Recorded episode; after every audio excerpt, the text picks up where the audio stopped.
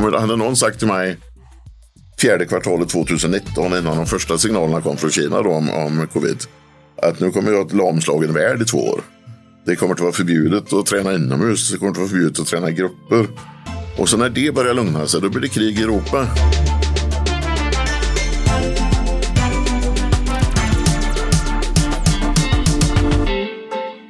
Vi är väldigt glada och stolta över att det här avsnittet sponsras av Elite Ortopedi.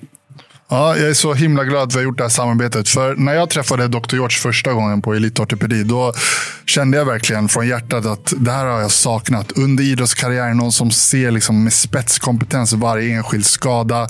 Nu efter karriären med de förslitningarna man har. Och jag vet att det är så många där ute, inte bara aktiva idrottare eller för detta idrottare, utan med andra yrken också, som går runt och har ont, smärta varje dag. Jo, men jag har exakt samma känsla. Otroligt kompetenta, lyssnar och verkligen brydde sig om mig. Att jag ska kunna leva ett smärtfritt och bra liv även efter idrottskarriären. Och det är inte så många som har den här spetskompetensen. Så sitter ni där ute med någon form av ledskada eller annan muskelskada och så vidare. Så gå in på Elite Ortopedis hemsida, hemsida och titta vad de kan göra för er. De har allt ifrån PRP-behandlingar, de ligger i framkant när det gäller stamcellsbehandlingar. Och ja, det, de är otroligt de. Vill ni stödja vår podcast så glöm inte att gilla, kommentera och prenumerera på Brottabröder Podcast. Då kan vi fortsätta göra det vi älskar och ge er det absolut bästa materialet och de bästa gästerna. Att göra en podcast är inte gratis, men ni kan stödja oss genom att också köpa vår bok Brottabröder, en fight för livet. Och Då betalar ni minst 150 kronor så kommer vi personligen signera den och skicka den till dig. Ja, och swishnumret hittar ni i avsnittsbeskrivningen här nere. Eller på eh, Brottabröds Instagram. Glöm bara inte att skriva med er adress så vi vet vad vi ska skicka boken. Så alla Swish-bidrag är jättevälkommen för att vi ska kunna växa med podden. Och swishar ni 150 kronor eller mer så skickar vi med en bok. Idag sitter vi här med en minst sagt fascinerande man. En människa jag och brorsan ofta inspireras av. Vi som före detta elitidrottare och numera entreprenörer har dagens gäst som en av våra stora entreprenöriella idoler. Han startade i en källare på 80-talet och har som ägare och vd byggt och drivit bolagskoncernen som idag omsätter mer än 10 miljarder kronor. Utan någon utbildning att tala om och mot alla odds, vilket bara verkar trigga honom ännu mer, är han företag Sveriges Rocky Balboa. Mina damer och herrar, dagens gäst är en av Sveriges få riktiga superentreprenörer som alltså byggt någonting från noll till denna gigantiska nivå utan att vara uppbackad av stora investmentfonder. Det, det vi också triggas av är hans mod att ge sig in orädd i branscher där några få aktörer haft nästan hela kakan. Och allt detta har han gjort samtidigt som han varit familjefar till fyra barn. Har det kostat på det området kan man undra. Har han gjort människor besvikna? Har han medvetet trampat folk på tårna? Ja, det är många frågor som ploppar upp i våra huvuden. Men när vi ser dagens gäst ser vi en rakryggad och orädd person. Men vi slås också av den alltid bakomliggande värmen. Nu är vi ivriga att höra mer. Lära oss mer och förhoppningsvis gå härifrån med många insikter och tips. Även om vi alltid pratar både högt och lågt i denna podd så blir inriktningen på dagens avsnitt på något oundvikligt sätt. Hur blir man en superentreprenör? Okej, dags att avslöja vem som sitter här om ni inte redan listat ut det. Låt mig varmt välkomna Torsten Jansson! Wow! Välkommen Torsten! Tack så jättemycket. Ja, hur kändes det att höra de där orden? Att han inte blir svår att leva upp till. ja, men dina siffror och bolag ja. talar för sig själv. Jag får göra så gott jag kan. Sen förstår jag att det inte är one man show, utan du har säkert ett starkt team bakom det såklart. Absolut. Såklart. Ja. Men eh, sanningen är ändå sanningen. Och du började där i en källare som vi ska komma in på strax. Och eh, det är en otroligt fascinerande resa du har gjort Torsten. Så ja, det här ska bli ett otroligt intressant avsnitt. Ja, jag har ju faktiskt fått äran att äh, äta middag tillsammans med Torsten vid tillfälle och din äh, härliga fru, mm. äh, vår förra idrottsminister Ulrika Messing. Eh, och den gången vet jag, då tog det faktiskt en stänkare till maten. Och vi brukar alltid bjuda våra gäster på en riktig stänkare eller en grön drink från One Fits All som innehåller bara naturliga ämnen från växtriket. Vad får vi bjuda dig på idag, Torsten? Ja, vid den här tiden på dygnet så får det nog bli den gröna Okej, okej. Känns lite tidigt för. Fasiken, men jag tror att det är femtonde avsnittet vi spelar in nu och ingen har tagit en stänkare. Om, om ingen har tagit en stänkare till det tjugonde programmet, då tänker jag ta en stänkare. Ja, det lovar vi tittare. Då tar jag det två. lovar. Okej. Okej. Men ni spelar alltid in på förmiddagen eller? Nej, det händer kvällar också. Det händer. Så att, bra, då ska du få. Men det blir en stänkare för brorsan, vet du. Det blir han halvfull på. Själv klarar man ju några. Då får vi smaka på den här. Jag vet inte hur många gånger farsan har supit dig under bordet. Den är svår.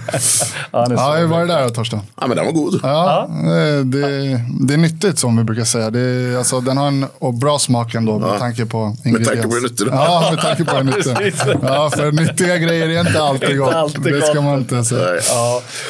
Eh, Torsten, den, eh, den här härliga kvällen, jag tror att det är sju, åtta år sedan när vi hade den här middagen tillsammans. Även eh, min goda vän eh, Nils Svensson som bor i Växjö var med. Så kom ihåg att jag frågade dig eh, vad du har för, liksom, har du något värdeord eller värdegrund och sådär. Och nu vet jag inte om du skämtade med mig eller inte, men då sa du så här minns jag. Jag har tre värdeord sa du. Okej. Och det första, det är sälj. Ah, okej. Och det andra, det är sälj. Och det tredje Martin, det är också sälj. sa du. Och så sa du då, vi satt ju på ert hotell, Costa Boda Art Hotel. Och då sa du, om du tittar runt här så är faktiskt det mesta här på hotellet till salu. Ja, stämmer bra. Stämmer det här, de här det orden? Det Ja. Är det det som har gjort det så otroligt framgångsrikt, Torsten? Att det du har haft den här säljådran i det från första stund? Men det finns ju fler värdegrunder, men, men eh, försäljningen är oerhört viktig i de branscherna vi är. Eh, och det måste man ha prio på. Det, det är säkert annorlunda om man driver ett bolag som har ett patent eller har uppfunnit en medicin eller någonting. Men här har vi ju liksom tusentals konkurrenter runt om i världen på varje område. Och då måste det vara otroligt säljfokuserat. Ja. Hur kom du in på försäljning från första början och hur gammal var du? Nej, men jag har gillat det från början, eh, så länge jag kommer ihåg. Eller på så här. Det började väl med att jag sålde lotter när jag var 10-12 år för Dingle IF. Okej. det var ju skitkul att stå där och försöka sälja lotter och sälja lotter. Så jag har alltid tyckt om det eh, på något sätt. Hittade du knep då, hur du skulle bete dig? Och liksom, kunde du märka redan då att du liksom sålde mer än dina kompisar? Ja, men det gjorde jag. Men jag tror också det berodde på att jag är ganska pratsam och eh, förhoppningsvis ganska social och så vidare. Och det, det tror jag också är någonting man vinner i längden på. Sen gäller det att anpassa försäljningen hela tiden så att du får en nöjd kund. För det är ju alltid mycket jobbigare att plocka in nya kunder Ja. än att behålla de man har då. Ja. Så det är ju någonting vi lägger ganska mycket tid på. Det, är- det är ju relationen med de kunderna vi har. Hur, eh, det man ofta slås av när man träffar en entreprenör, så här, det är, eller en återkommande grej som jag hör ofta är att skolan var inte riktigt någonting för mig. Att det, här, liksom, det systemet är ganska så fyrkantigt. Hur var det för dig Torsten? Jag, jag var ju fruktansvärt skoltrött eh, faktiskt. Och det var ju inte helt enkelt eftersom båda mina föräldrar var lärare. Då. Men, men eh, jag levde ju i tron att jag skulle bli uh, pingisproffs fram till jag var 15-16. när Jag insåg att det blev jag ju aldrig. Eh, och då var det ju en fight egentligen. För jag ville ju inte ens gå i gymnasiet. Men det blev en kompromiss där så det blev tvåårig social linje då. Mm. Och sen var det militärtjänsten och sen startade jag. Men visste du redan då någonstans att eh, du skulle starta något eget? Eller hade, började de tankarna Nej. födas på gymnasiet? Nej. Det, det, det visste jag nog inte. Eller det visste jag inte. För tanken var efter tvåårig social. Först att bli polis. Eh, och sen efter militärtjänsten så var min tanke att söka eh, något FN-uppdrag. Okej. Eh, och sen var det först egentligen efter det så började jag på ett mejeri en kort period. Och det var fruktansvärt tråkigt. Man fick stå och lägga på backar så här. Okej, det var inget för Eh, och då, då halkade vi in på det egentligen. För då såg jag en annons där man kunde köpa en enkel utrustning för att trycka textil då. Och så gjorde jag det och sen på den vägen gick det. Och sen har det varit att prova sig fram då. Men stod du då och tryckte egna plagg eller? Ja, Okej. det, jag sålde ju mest till föreningar då eftersom jag hade mycket eh, kontakter där eh, genom idrotten då. Och sen, eh, men det gick ju inte att försörja sig på det i början så då jobbade jag som ordningsvakt på somrar och helger. Och sen som borgarbrandman.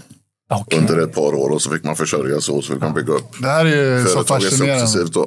Men det känns som att eh, idrottare och entreprenörer ofta har många likheter. Här. Jag känner igen det här du sa med att man vill liksom se resultat. Det monotoma. Jag jobbade själv en gång på ett lager. Och då hade jag, eh, jag gjorde det för att jag startade mitt första bolag och skulle lära mig lite från grunden. Så sa vi så här, men två månader, eh, ge det här två månader nu Jimmy. Men efter två veckor då ringde jag upp min kompis som hade fixat jobb och sa så här, vet du vad, jag har ångest varje kväll när jag går och lägger mig. Jag kan inte kliva dit en dag till. För att det här monotoma som du, som du sa på mejeriet, att vi har någonting annat i oss, liksom det här drivet. Och det, det är intressant. Jag drev ju ett bemanningsföretag där affärsidén var att vi skulle hjälpa idrottare ut i arbetslivet, där, efter, framförallt eftertidskarriären. Och då anlitade ju brorsan så han fick vara ute och bära några gånger. Du vet, men det var den sämsta medarbetaren. med. Han, han sa jag skiter i det här, sa han. Slängde på luren redan efter en dag. Ja, det men så- för dig Det är brorsan. många som tror att idrottare, då använder du bara musklerna. Men jag tror att som elitidrottare, det är mycket hjärna. Du vet, det är mycket hela tiden att utvärdera sig själv. Det här, eh, okej, vad är nästa steg? Eh, vad behöver just jag? Så att man är väldigt påkopplad även med hjärnan. Och sen när man ska överföra det till något yrke så blir det så, ja men eh, börja bära tunga grejer för du är stark. Men det var så inte jag alltså. Nej, så. Men Torsten, då, när du åkte runt där, liksom, hur kunde en dag se ut? Så här, gick du och knackade på dörren liksom, till Ja, föreningen? gjorde jag faktiskt. Och även började vi ut i företag då. Jaha.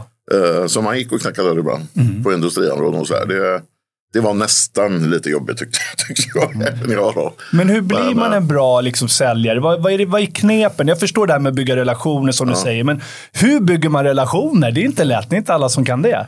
Såklart. Nej, men, men du kan säga dels gäller det ju att, att våga jag på att säga. Eh, sen gäller det att vara social och sen gäller det också att kunna en del om kunden, vad de verkligen behöver eller vad de kan ha nytta av. Eller. Sätta sig in i kunden Ja, och precis. behovet. Och, ja. Och det, och det, ja, det, det är lite svårt att beskriva, men, men, och sen får man ju gilla att ha kontakt med människor helt enkelt. Det är lite lustigt. tycka Alltså, ja, för en del har bara det där säljet i sig och mellan vissa kanske får träna väldigt mycket. Men vi har ju en pappa som är konsthandlare då, som eh, också sen hamnade i ett spelmissbruk och så vidare, som vi har Ja. skrivit om i vår bok. Men, men eh, pappa är ju sådär, han kan ju sälja sand i öken. Liksom, och det är bygga relationer och, och eh, otroligt duktig på det där. Och se behovet hos kunden och, och så. Och det känns ju verkligen som du har den där ådran i det. Men vad var Eller det du då har ju- du såg då i det här första, just eh, med att sälja till föreningar, när du tryckte där? Var, var det ett hål på marknaden då? Nej, men först var det väl egentligen att komma ifrån det jobbet jag inte ville ha. Om man uttrycker på det viset. Det var väl första biten. Eh, men sen kände jag också när jag såg den här annonsen att jag, jag känner otroligt mycket föreningar. Inte minst inom pingisen och även, även lokalt. Eh, och de har ju ett behov av de här produkterna. De köper dem redan idag. Sen var det ju inte så mycket konkurrens på den tiden. Vi var ju tidiga i den uppstarten egentligen. Så det fanns ju Sport-Johan som var relativt stora om någon kommer ihåg dem. Mm, just det, absolut. Eh, Olsfors och så fanns det en Sportmaster, det fanns Topprent. Och sen fanns det väldigt få. Så att eh, där var ju lustigt egentligen i, i starten för att då fanns det nästan inga lagerförande grossister. Det som vi sen blev då med tiden. Eh, Så att det var ju nästan svårare ibland att köpa in produkter att sälja än vad det var att sälja det som fanns. Okej. Och det gjorde ju att vi började importera själva och lägga på lager. För eh, du kan säga att det hände ju ett antal gånger. Att man hade fått en order och sen när man beställde grejerna så fanns de inte. Ja. Och det Så var att så man, lätt de flesta våga. jobbade på det sättet att de tog in en order och sen eh, då Ja. eh, kontaktade Precis. fabrikerna medan du Och- började lagerhålla Ja, själv. ja. Ja, okej. Och, det, och det ledde ju till, till att, eh, nästa steg egentligen. Och det var att andra skrintryckare och så började handla av oss på grund av att vi hade lager. Och det är så det fungerar idag. Då, så idag säljer vi inget direkt utan vi går ju bara via återförsäljare. Men jag tänker det måste ju krävas otroligt mycket kapital. Att kunna köpa in och lagerhålla så stora kvantiteter som då ska ut till alla de här bolagen som håller på med, med profitflöde. Som köper direkt av er istället för att gå till Kina Mm. eller Asien eller vad man nu är. Då. Eh, hur lyckades liksom, hade ni fått upp en sån bra försäljning redan då? Nej, men man, man får ju bygga successivt. Och du kan säga att där hade jag ju nytta av att jag försörjde mig på andra sätt som vakt och brandman. Och, och inte behövde ta ut löner de första åren. Så byggde man ju successivt kapitalet. Sen hade man ju en snäll farsa då som, som intecknade huset en period och sådär också. Oj, oj, oj, oj. Och sen fick man ju bygga det successivt helt enkelt. Och det, det kan säga, det är väl det stora hindret för, för att, från de som vill starta en liknande verksamhet idag. Det är ju kapitalet, för det drar ju otroligt mycket kapital. Men vilket mod! Du måste ju liksom ha satsat allting på det här. Men ja, man tänker aldrig så. Eller jag tänkte aldrig så liksom att det, det är en, en risk. Andra, andra pratar om det hela tiden, att man tar risker. Men jag känner ju sällan så att jag, jag har tagit någon risk. Det är väl lite ty typiskt de här eh, Ja, superentreprenörerna. Men jag blir lite intresserad som entreprenör själv. För just det här med som du säger att växa. Man brukar säga att växa kostar ju. Och, eh, jag vet ju själv, vi, jag jobbar ju med hälsokostprodukter. Eh, produkter. och när vi ska öka på vårt lager och vi har dragit in en stor ny kund. Så ja, det kostar. Och det är ofta att likvi- likviditeten är väldigt eh, tajt. Och, och eh, att man hamnar i eh, en begränsning på grund av just likviditeten. Men när du då växte steg för steg. Eh, var det så att du kunde göra det organiskt eller har du på vägen också haft eh, uppbackning av ja, men banker och så vidare när du har växt de här stora stegen? Då kan jag säga så här, när, när man går- kom fram till 87. Ja, Då var ju man i en situation där jag egentligen var tvungen att välja. Om jag skulle ta in kapital från andra. ja, Eller om jag skulle växa långsamt. Eh, och då tycker jag, och har alltid tyckt, att jag äger hellre en mindre del i någonting som går att utveckla. Än, än att stå liksom status quo. ja. Eh, så då kom det in eh, via nyemission ett finansbolag som tog hälften. Men det blev ju i slutändan den sämsta affär jag gjort i hela mitt liv. För, eh, två år senare ville de köpa andra halvan, vilket jag sålde då. Och betalningsmedlet var ju aktier i det köpande bolaget. Okej. Som sen var konkursmässigt ett år senare. Ja. Så att, men då fick jag chansen att köpa tillbaka när jag var banken. Ah, Okej, så du köpte tillbaka det bolaget du en gång sålde? Precis. Så det blev en ganska bra affär ändå i slutändan? Nej, det gjorde eller? inte det, för Nej, att, okej. Jag tänkte om du fick ja, lite cash och sen så Nej, köpte inga tillbaka cash, dem billigt. bara värdelösa Ja, okej, aktier. okej, okej. Och sen vid skatt på det och så. Liksom, sen så gick faktiskt back. Så att Ja, okej. går du fram till 90 då som det är när jag köpte tillbaka det. Då, då hade jag jobbat i många år. Ja. Och, och faktiskt låg en, jag tror en och en halv miljon back. Istället för att tjäna något. Men, men sen efter Då var det det så. svettigt. Ja, det, var det ju. Låg du så det- sömnlös på nätterna eller är du en sån här som en Nej. gås att det bara rinner av dig? Det, nej, jag har aldrig legat sömnlös på nätterna på det sättet. Nej. Det är jag inte. Det är väl först när man blir äldre man sover sämre. Ja, historia. Men, Men idag så är du ju börs-vd för New Wave, ett miljardbolag som har gjort en otrolig resa. Kan du berätta lite om New Wave för våra lyssnare? Ja, Vad är New Wave vi omsätter strax under 10 miljarder. Uh, har faktiskt varit börsnoterade i 25 år nu.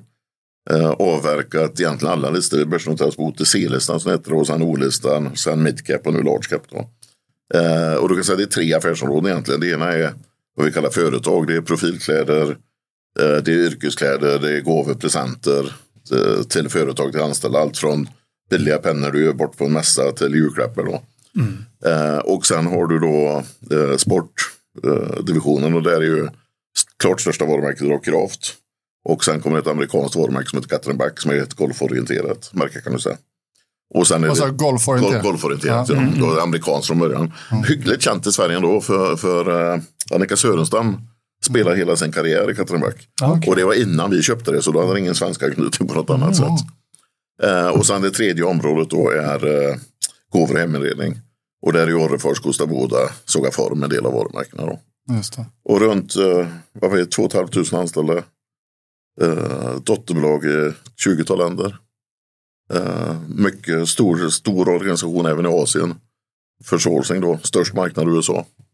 Men om man bygger en sån här koncern då. Eh, om vi backar tillbaks eh, från, eller till det här garaget där du stod och tryckte. Och så liksom på vägen. Så ni har växt då både genom eh, organisk tillväxt och även genom förvärv som det, som det låter. Men ta oss med lite grann så här. Hur, hur, det första benet, det var profilkläderna. Och hur utvecklades det därifrån? Och hur kom den idén att nej, men nu ska vi in i nästa segment här?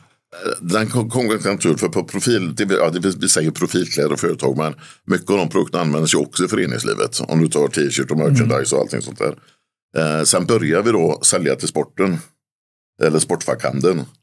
Eh, som då har mycket klubbar och så. Stadium. Intersport och så Ja, den typen. De var ju inte så stora på den tiden. Nej. De var de. Intersport var ju eh, en kedja, men där ägdes ju egentligen varje butik av en enskild person. Och Mm. Sen var det Team Sport, alltså uppstrukturerat på samma sätt. Eh, sen kom ju Stadiums hela tillväxt.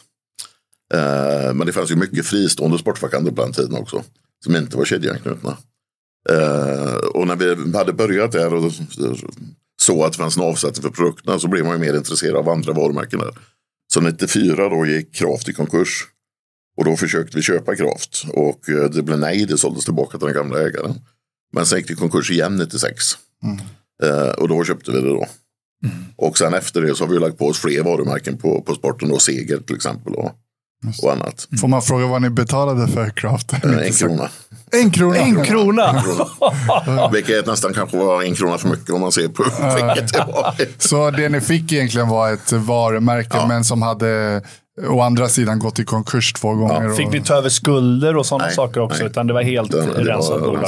men Ja. du fick inget Eller ja, vi fick ta över ungefär lika mycket skulder som vi fick in i värde som fanns i varulager och så. då, Men det, det var ju ingen skuld på det sättet så, som vi betalar för varumärket eller bolaget på det viset. Och vad omsätter Craft idag? Eh, två miljarder drygt. Två miljarder. Ja, det är en resa. Köpte för en krona och omsätter två miljarder. Ja, men det har varit mycket jobb. Det förstår jag. Inga kommer Nej, gratis. de hade ju, Kraft hade ju en storhetstid innan där egentligen med, med under Stenmark-eran. Eh, Stenmark tävlade ju till exempel i Kraft. Ja. Så då var man ju uppe och omsatte en 350 miljoner så. Vems idé var det här med Craft? Var det, var det din idé eller var det, var Ja, det det, någon det, annan? nej, det är en ganska rolig historia för att Kraft från början var en del av Eiser, det statliga eh, textilkoncernen då. Och eh, första uppdraget, eller de fick ett uppdrag faktiskt av flygvapnet och lansera ett underställ som transporterar fukten. Och det berodde då på att eh, eh, om en pilot sköts ut med katapult och överlevde den delen så frös de ofta i- ihjäl på nedvägen. Kom i svettiga bomullskläder och så kallt som fasen. Så att det var ett uppdrag från försvaret att utveckla de underkläderna och det är ju fortfarande en del av grundtekniken i mycket av Kravskläder. Okej. Så att eh, Men var det det var du som visste om det här och sa att det här bolaget ska vi köpa eller var det någon annan som tipsade dig? Eller? eh, jag, inte, jag kommer inte riktigt ihåg det men vi höll ju ögonen på ganska många varumärken i och för sig som, som var tänkbara. Och, eh, eller som vi tyckte om och Kraft var ett av dem. Ja, just det. Och, och det jag gillar med Kraft och fortfarande gillar med Kraft också det är att det bygger så mycket på funktion. Eh, och lite mindre på mode då än många andra gör. Och idag så har ni ett stort samarbete med väldigt många föreningar där ute och som använder sig, som ni har avtal med. Ja. Eh, Kan du nämna några föreningar? Eh, ja, då nämner man ju, man kan börja säga, i Sverige till exempel har vi 1200 föreningar idag. Oj, oj, oj. Men tar man de mer namnkunniga då så tar du eh, herrallsvenskan så är det Hammarby, IFK Göteborg, Varberg. Damerna Hammarby, Växjö DFF. Eh, sen har vi ju flera lag i handbollsligan. Eh, och sen har vi ett flertal landslag då. Med ja, friidrottslandslagen har vi både Sverige, Danmark, Finland. Du har längdåkningen, Norge, Sverige. Du har handbollen, Sverige, volleybollen, Sverige. Eh, och så, Svolle i Holland, va? Jajamän. Ja, just det. vi. Och Alltså, det, ja, det, sen ja. har du Darmstadt i Bundesliga, du har Toulouse i franska ligan, Luzern i schweiziska ligan, KA Gent i belgiska ligan.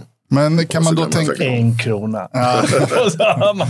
ja, jag förstår att det har varit hårt jobb. Det är ingen man får Det gratis. Man ska. Men besöka alla de här föreningarna. Ja, eh. Torsten, kan man tänka sig att er strategi, du började ju en gång i tiden att sälja till föreningar och jag kan tänka mig när man köper ett sånt varumärke att det finns lite olika vägar att gå. Att kanske inte närma sig föreningar så tidigt hade varit den normala strategin utan kanske mer tänka lite bredare återförsäljare och gå mot slutkonsument. Och, då, det, och det gjorde vi. Och du kan säga att vi, vi la en strategi från början som vi nästan har följt. Man följer aldrig det till fullo när man ser flera år framåt. Men eh, när vi köpte Kraft så, så ville vi ju bygga det till ett riktigt stort varumärke.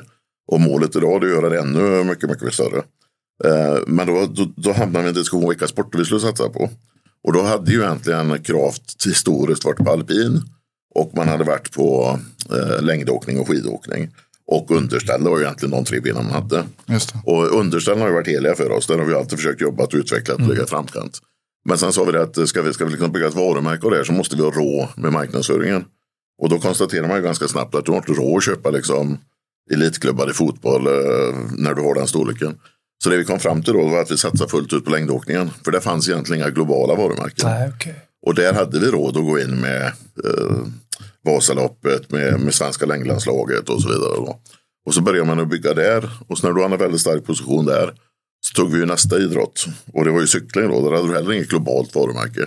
Adidas, Nike, de här, de, de satsar inte på de sporterna helt enkelt. Och så byggde vi cyklingen. Och sen kom ju det första egentligen eldprovet hur starkt varumärket var när vi lanserade löpning på konfektion då. Men då lyckades vi där och sen är det faktiskt bara innan vi gick in med teamwear så vi gick in på bollsporterna. Det är faktiskt bara fem år sedan, eller sex år sedan. Men Torsten, då måste jag fråga dig. Alltså, jag har ju förstått att skobranschen, alltså löparskor, träningsskor, den är otroligt konkurrensutsatt. Men ni valde mot alla odds, där folk sa att det är omöjligt, gå aldrig in i skobranschen, så gick ni ändå in i branschen. Hur ja. tänkte ni? Nej, men det är ju en fantastiskt stor marknad. Eh, jag har svårt att se att du har eh, kunder eller konsumenter som har tränat och tävlat i kraft i tio år. Eh, att de skulle säga plötsligt att kraft skor är inget bra. Och då gick vi in och, utvecklade det och det har ju faktiskt varit ett fantastisk respons. Att går du förbi löplabbet idag så har vi en hel vägg där. Mm. och det är, nu är det egentligen först nu som det har börjat slå igenom i Sverige. För det var återigen den svåraste marknaden. För rådet från kunderna där var ju också att jag klarar inte det, jag kan inte, kraft inte skor. Uh, så vi hade ju faktiskt större framgångar i USA och andra länder mm. där vi egentligen har ett svagare varumärke än vad vi hade i Sverige de första åren. Det är intressant, vad kan men, det bero på då tror du? Ja, men jag vet inte, det är lätt att bli placerad i ett fack. Jag menar när, vi började med uh, gick från längdåkning in i cykel, ja, men det var, då var vi ett längdåkningsmärke. Sen var vi ett vintervarumärke och sen var vi det och det. Ja. Eh, men jag, jag tror inte konsumenten fungerar så. Ut, utan om, om du har en person som åker längdåkning på eh, vintern. Mm. Steget för den personen om man är nöjd med grejerna. Tror inte jag är speciellt långt att bära kravs, kravskläder när de springer på våren. Och springer de på våren, sommaren och är nöjda med de kläderna så tror inte jag steget är så långt innan de provar skorna heller. Mm. Så men, att, men jag tänker skor måste ju vara väldigt, väldigt mycket funktion såklart. Man ja. springer och det ska hålla och, och rätt löpsteg och allt det här. Eh, satsar ni mycket på forskning och utveckling och sådana delar också? Ja, det, det, här är ju egentligen den enda delen där vi har särat på, på produktutveckling i, eh, mellan, i samma varumärke. Så kan jag säga all kravkläder designas, utvecklas och görs. All, allt jobb i Borås. Eh, I Sverige hittar vi inte den kompetensen på skor. Eh, så där har vi faktiskt öppnat upp eh, i Los Angeles. Så det är sex amerikaner som sitter där och utvecklar eh, skorna i ja. Los Angeles. Okay. Och vi hittar inte den kompetensen i Sverige. Har ni fotbollsskor också nu eller? Inte nu, men det kommer. Det kommer, det är nu, nästa steg. ja, nästa steg är indoor då, ja. inomhusidrott. Okay. Uh, och det gör vi innan fotbollen för att där har vi också en stark anknytning då i handboll, volleyboll, all, alla de här sporterna, innebandy mm. och så vidare. Så indoor blir nästa steg. Och när kommer den första fotbollsskon? Jag skulle om fyra år. Fyra år, ja. Glas då, hur kom det in i, i hela det här? Glasriket, mm. Kosta Boda, Orrefors. Märklig historia. Mm, det måste vi höra om. du kan säga att det var så att vi började med företagsförsäljning i Kina. Kommer du inte att säga att du köpte det för en krona? ja, billigare tror jag. Nej, men då, då började vi med företagsförsäljning i Kina. Och, och, du kan säga Europa, Sverige framförallt, men även andra europeiska länder. Så slåss du hela tiden mot, mot vad som är skattemässigt avdragsgillt. Sverige är till exempel 400 kronor idag som ett företag får ge bort en gåva för då. Och det gjorde ju att det var ju mest billiga produkter man utvecklade upp till en viss nivå. Så när vi började i Kina eh, så upptäckte du ganska snart att eh, våra produkter var faktiskt ofta för billiga. Man vill ha finare gåvor och bättre gåvor. Man. Och då blev vi distributör för Orrefors och Kosta Boda på företagsmarknaden i Kina. Eh, och sen fick vi med mycket tur säkert en av de största order vi någonsin fått i Kina till en kinesisk biltillverkare. Som då skulle köpa en fruktansvärt massa ljuslyktor och ge bort till, jag tror det var alla som kom in och provkörde en bil eller så här. Eh, och då hade vi ju ringt innan och frågat om de här verkligen finns nu. För det värsta du kan göra på, på profildelen det är ju att ta en order och sen inte leverera den. För allting möter ju en deadline. Det är ja. en julklapp eller det är en mässa. Eller det är en, och du kan inte leverera efter dem har varit. Ja. Och det var inga problem. Och också när vi väl hade fått ordern och beställt så fanns det ju inga. Så då åkte jag egentligen dit och träffade ledningen för att kräva kompensation. För vi förlorade ganska mycket pengar på den.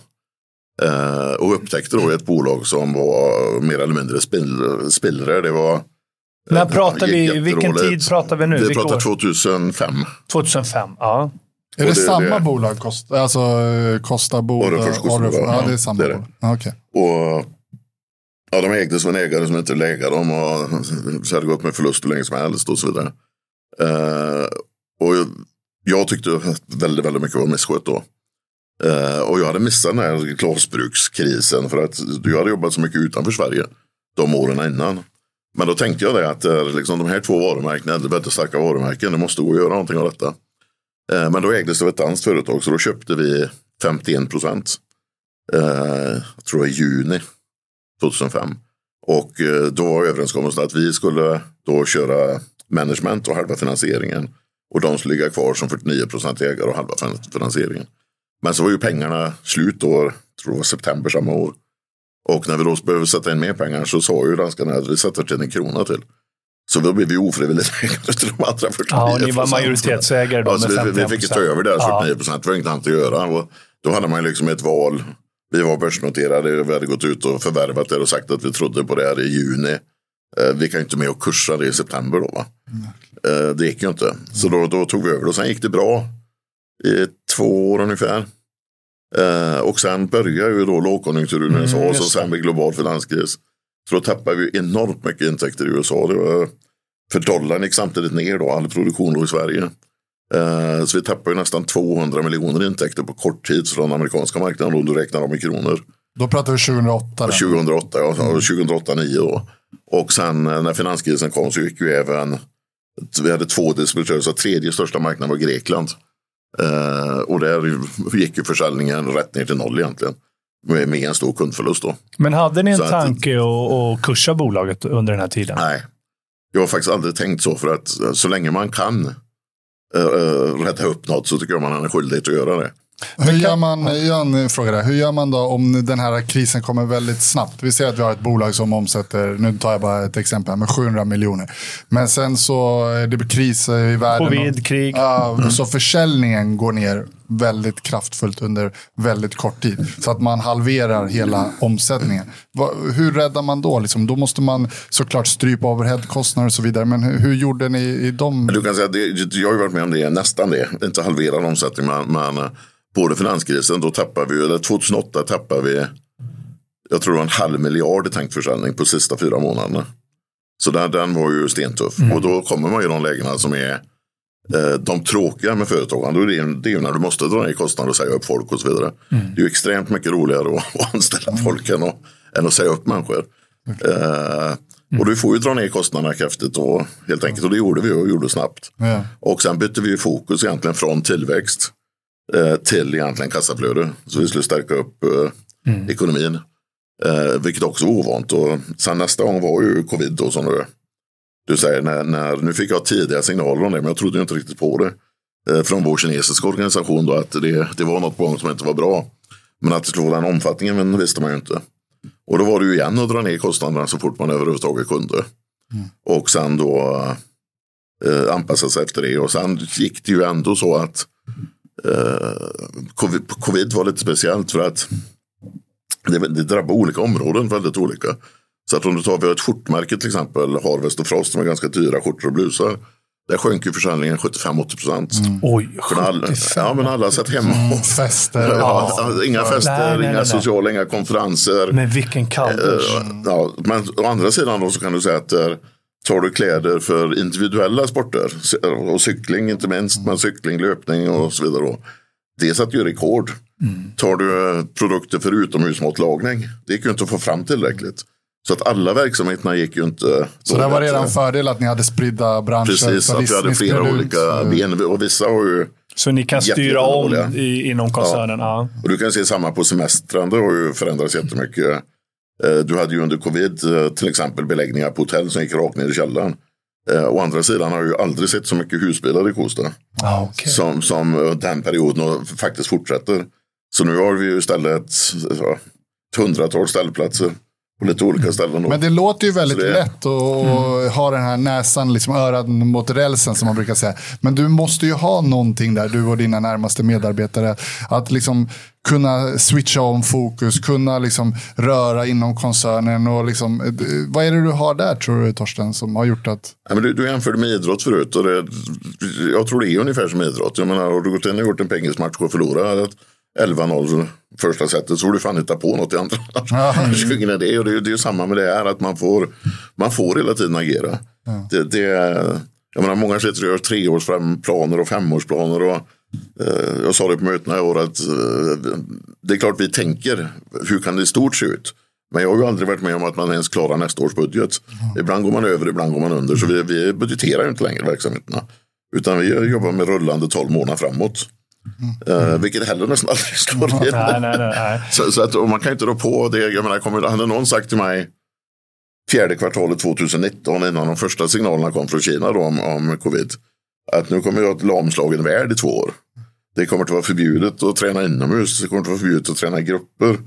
Och så när det börjar lugna sig, då blir det krig i Europa. Ja. Man, man Men är det inte också lite det som är, pratar de om? tju- är det inte det som är tjusningen också? Och gjort att kanske du ändå sitter här efter 40 år och fortfarande tycker att det är kul att vara entreprenör. Och att det, det är som en Utmaningen, såklart. Brottningsmatch hela tiden. Liksom. Man, man har så moli- många olika parametrar att slåss mot. Ja, ja, men det är det som är kul. Ja, men jag tänker, eh, jag måste bara, en, en eh, fråga som dyker upp i mitt huvud när det kommer till Glasriket, Kosta Boda, Orrefors.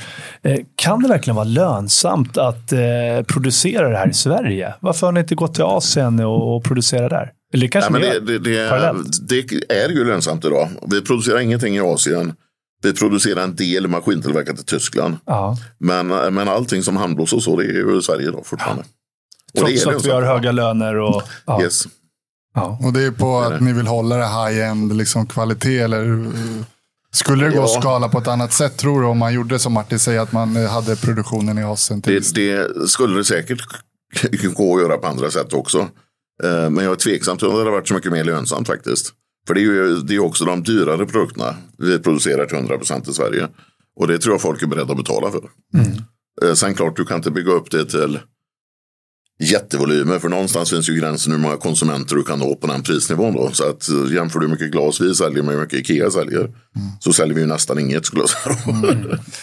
Jag fick eh, äran att intervjua en av Peabs grundare, Mats Paulsson, bröderna Ja. Paulsson, eh, en av bröderna. Och han sa då att det absolut viktigaste för honom i alla fall, och det han tyckte, det var att ha rätt medarbetare. Och han hade haft några få nyckelpersoner som hade funnits vid hans sida ända från starten. Är det här någonting som du kan hålla med om Torsten? Och har du haft någon sån här person eller några som har funnits med dig från starten nästan, eller under lång tid? Det är, det jag håller med till 100 procent. Och, och eh, du kan säga vi har ju ganska många långvägare i Anyway. En är med lillebror som är vd för största svenska bolaget. Vi har ju vår vice vd Göran Härstedt som ju har varit med sedan 97 då. Eh, I olika positioner, är jurist från början. Eh, och då är det ett flertal vd som har Mario, Italiens vd, var med och startade 94. Eh, vi har Norges tidigare vd som nu är vd för ett tradingbolag. Som har varit med sedan 88 tror jag. Och, ja, det finns ett, ett, ett stort gäng sådana. Gör. Men när man rekryterar sådana här nyckelpersoner som är så otroligt betydelsefulla, som är en del av framgången. Hur tänker man då? Har du varit med i de här rekryteringsprocesserna själv? Eller? Ja. Nu, nu längre är jag inte alltid det. Men, men eh, det har varit och du, du kan säga att det börjar ju egentligen med att eh, när vi var jättesmå då och jag mer eller mindre var själv eller på det sättet. Så strävar ju jag efter något som jag tror många gör tvärtom. Och, och det var att jag anställde första hand folk som var olik mig. Eh, för det är det man behöver. Man behöver ju inte uh, en Torsten Jansson till. För många tänker är- ju tyvärr tvärtom. Ja, man ja, sitter men det- med ja, likasinnade ja, personer ja, för att och man det blir ju så. Det är lättare för man trivs med dem. Ja. Och det, det, men jag var väldigt mån om det och försöka ta med lillebror och jag till exempel är jätteolika. Eh, när jag är sälj så gör han mer struktur och eh, så här. Och Göran och jag är ju också väldigt olika. Han är ju, har en juristbakgrund, är intresserad av eller gillar juridik, administration, IT och så vidare. De grejerna jag inte alls gillar. Jag gillar produkt och sälj och marknad. Jag känner igen Så det att, där eh, jättemycket. Även när jag och Martin jobbat Ja. tillsammans. Så sådär, att man behöver ju någon, till exempel jag är väldigt snabb och så här, jag vill snabbt ut Mm. liksom, och möta den som kan göra skillnad. Kanske på bekostnad av att det är lite slarvigt skriven text och så här, men jag vill att det ska hända mycket. Och så kanske Martin är lite mer så här, men vi måste bearbeta den här texten och sådär. Och jag tror att eh, den här nyckeln, att det är ett bra tips till alla där ute. Att verkligen försöka våga jobba med människor som är bättre än en själv på andra områden och som inte är för lik en själv. Nej, men det är som en orkester. Det går inte att ha de som bara spelar piano, utan Nej. man behöver Precis. människor Det med är det. olika kompetenser såklart. Och sen kan du säga när vi, när vi har startat då, det är ju faktiskt fortfarande så att eh, man pratar ju en del om de här förvärven, men, men vi har ju startat mycket mer av eh, bolagen och majoriteten av försäljningen då ligger ju i bolag vi har startat från noll egentligen. Och, och startar vi ett land så brukar eh, vi försöka få antingen en väldigt marknadsriktad vd och säljinriktad och då behöver den personen nästan alltid en stark ekonomichef. Eh, ibland har vi tvärtom också att du har en vd som är väldigt administrativ och ordningsam och mindre sälj och då behöver du komplettera den personen med en väldigt stark säljchef eller marknadschef. Då. Men det där är ett supertips verkligen, Torsten. Som eh, jag tror många där ute kan ta till sig verkligen. Eh, men ofta, det man slås också när man hör dig i olika sammanhang, och så här, det är ofta framgång, framgång, fram, framgång. Det är lite finanskrisen och covid och sådär, men du har ändå lyckats ta dig ur det här. Men fan, har du inte haft någon mot, någon riktiga motgångar? Jag tänkte personliga motgångar. Har du försakat någonting, familj eller någonting? För du måste ha jobbat extremt mycket. Ja, men det är klart man får försaka olika grejer. Jag brukar säga i intervjuer till exempel att mitt största intresse är fiske. Får man då fråga när man fiskar så tänker man att fan det var nog två och ett halvt år sedan. Mm. så det är ja, klart det är, det är saker man inte hinner. Det är, familj upplever jag inte att jag har försakat. Men, men däremot kan du säga att är, man tappar ju en del vänner till exempel. Är du bjuden till dem för tionde gången och du inte kan. Mm. Så är det lätt för personen att tro att du inte vill. Mm. Uh, så man tappar ju en del kontakter på det sättet. Men Å andra sidan vinner man ju mycket annat då. Mm. Hur är så. det då med vänner? Förändras de relationerna också när man börjar tjäna mer pengar? Och man kanske har, jag menar, du som kommer från mm. enkelheten och, eh, och så vidare, men ändå blir väldigt förmögen. Mm. Eh, hur hur liksom, går det att hålla i liv i gamla relationer? Eller? Det, det, tycker jag nog att det gör på det sättet. Utan då är väl problemet större med att man inte hinner träffas. Eh, det, det, är ju ett större problem i så fall än att folk blir avundsjuka på det viset. Då. För ofta det jag hör det, ibland också, det är att um, folk som blir väldigt förmögna och så att de ofta börjar umgås med likasinnande kanske. Och folk som har, man, man har vanor där man bor på flotta hotell och kan resa mycket och det är svårt att kanske bibehålla sina gamla vänner och kontakter som inte alls har den möjligheten. Jag upplever nog inte så. Sen klart, sen klart att man, man uh, umgås, men det gör man ju genom jobbet mer med andra människor mm. som är i liknande positioner. Men det är ju en del av arbetet egentligen. Och det är klart man får vänner där också. Men, men jag tycker inte det är något problem att hålla på det sättet. Utan då är det ju mer tiden. Om du tar vissa perioder i, i det här så Alltså mest låg jag uppe på 225 dagar, resdagar utanför Sverige. Oj. Och det är klart, då är det förbannat svårt att gå på kalas. Eller, ja, eller. Så att, och, och, det, och jag förstår det. Mm. Jag menar, är du bjuden till någon på 30-årsdagen, 40-årsdagen, 50-årsdagen och 60-årsdagen. Mm. Och varje gång så är du i Kina eller Schweiz eller någon annanstans till slut tröttnar ju personen på dig. Men det, det här, må, många förstår inte det bakomliggande. Vi har ju samma fenomen när man idrottar ja. och är elitidrottare. Man är ute och reser mycket, man behöver hålla sina rutiner och så vidare. Och då blir det lite grann att eh, vänner hör av sig men man får tacka nej ja. eh, gång på gång. Och på så sätt så tappar man eh, successivt lite sin, sin vänkrets. Eh, när vi är inne lite på det personliga då, Torsten, hur, hur har du mått av de här åren när man jobbar så här hårt? Och, uh, du har ju inte pratat kanske så mycket om det, men du hade ju bland annat en viktresa som ja. du gjorde här för några år sedan. Och, tur och tur. ja. ja, men vi känner ju återigen jo, jo. igen lite grann från våran pappa som jobbade väldigt hårt och också i perioder slogs med, med vikten vid sidan om och sådär. Hur har, hur har du mått av på djupet de här åren? Nej, men jag får nog säga att jag mått ganska bra. Uh ändå faktiskt. Mm. Sen klart man är trött och sliten ibland och det märker man ju mer nu. Alltså för, för 20 år sedan så kunde man ju liksom vara i Kina och så åkte man hem och var i Sverige tre dagar och så åkte du vidare till, till USA och sen tillbaka till Kina. Och tidsomställningar och så, det märkte man nästan inte då. Mm. Idag är det liksom, är du, åker du till Seattle med nio timmars tidsskillnad mm. och så när du är där en vecka, så första natten du sover vettigt där så ska du åka hem. Och sen är det ju en ny vecka som man liksom är... Men vad är det då som har gjort att du i perioder har försakat lite grann att vara i den formen medan du i andra perioder har prioriterat det? Att så här, men nu måste jag... Ja, är, ja, du, du, men du kan säga att då när jag gick ner så mycket förra gången då. Jag, jag håller på igen nämligen. Ja, okay. ja. Men, men det, det var ju en vadslagning faktiskt. Från fet till atlet så Precis. du släppte boken också. Precis. Nej, men det, det, det var så det var en journalist. Det skulle till en tävling. Det var, Där kom tävlingsdjävulen i. Vi får göra något vad med på DI. Det, var en, en, en annan börs som heter Peter Reiler. Eh, som gick ut och sa att han slår vilken annan börs som helst, vilken sport som helst. Om man får ett år på sig. och så ringde Stefan mig som, han hette, reportern och sa du, du får fan ställa upp här, jag måste ha några som utmanar han. Och Stefan kom från Chile då, inte långt från där jag var uppväxt. Så han, visste ju om en pingisbakgrund. Så han sa du får utmana han i pingis. Och jag vet du börjar träna lite så du kan göra det. Men då är jag så fruktansvärt dum. Så då, då, då säger jag till Stefan, det är, det är ju som att stjäla godis från unga. Det, det gör jag inte. Så det, det är jag inte med på. Uh. Så ringer Stefan igen efter ett par veckor och säger jag får inte ihop tillräckligt många. Du, du, du måste hjälpa mig med det här. Ja, då får vi hitta på något annat så. Ja, men vi har en trekamp då. Tennis, pingis och bänkpress. Okej, så då gör vi det. Så då, då är jag med på det. Så kommer jag hem och berättar det för Ulrika. Så sa Ulrika, vet du vem det där är? Nej, så jag har ingen aning. Så började vi googla. Då hade han ju, kommer inte ihåg, han var fyra i handikapp i golf. Och, så hade han gjort några Ironman och så var han ju högt rankad i Oj, veterantennis. vilken och, och då, då insåg jag att här gäller det fram och träna. Så då, då drog jag igång ännu hårdare. Så då låg jag ju på de 18 pass i veckan. så det var ju upp på morgonen och så till pingislokalen och sen vidare på en lång promenad och sen till massagen och sen till jobbet. Och, sen, Satte ni datum för den här trekampen? ja. ja, ni gjorde det. och det, var, det var ju ett år senare då. Och du gick ner 60 kilo i vikt under den här tiden? Yes. 60 kilo? Ja, det är en hel Så, så att, äh, ja, det, det var ju, men sen var det var ju dumt egentligen med den åldern också. För man, man, man blev ju liksom trasig. Det var ju kortison i handleder. Ja, och, det ja, ja. var, eh, och sen får jag säga att jag gick ju ner så mycket så jag trivdes ju inte där. Nej, nej, när jag låg som lägst. nej. Men hur, hur gick den här trekampen? Ja, då? det var ja, Pingisen, enkelt. ja, där vann du. Hur mycket? Och sen... Var det eld- körde ni inte- nej, nej, okej, det var- det var, det, det, Det var som att stjäla godis från ett och barn. sen, ja, och sen tennisen då. Där, där, det var pingisräkning i tennisen också. Och där tog jag faktiskt de första eh, bollarna. Och sen gjorde Det måste ha stora misstaget. Jo, men Ja. jag såg ju han började bli så jävla nervös. men då bränner jag en volley, vet du.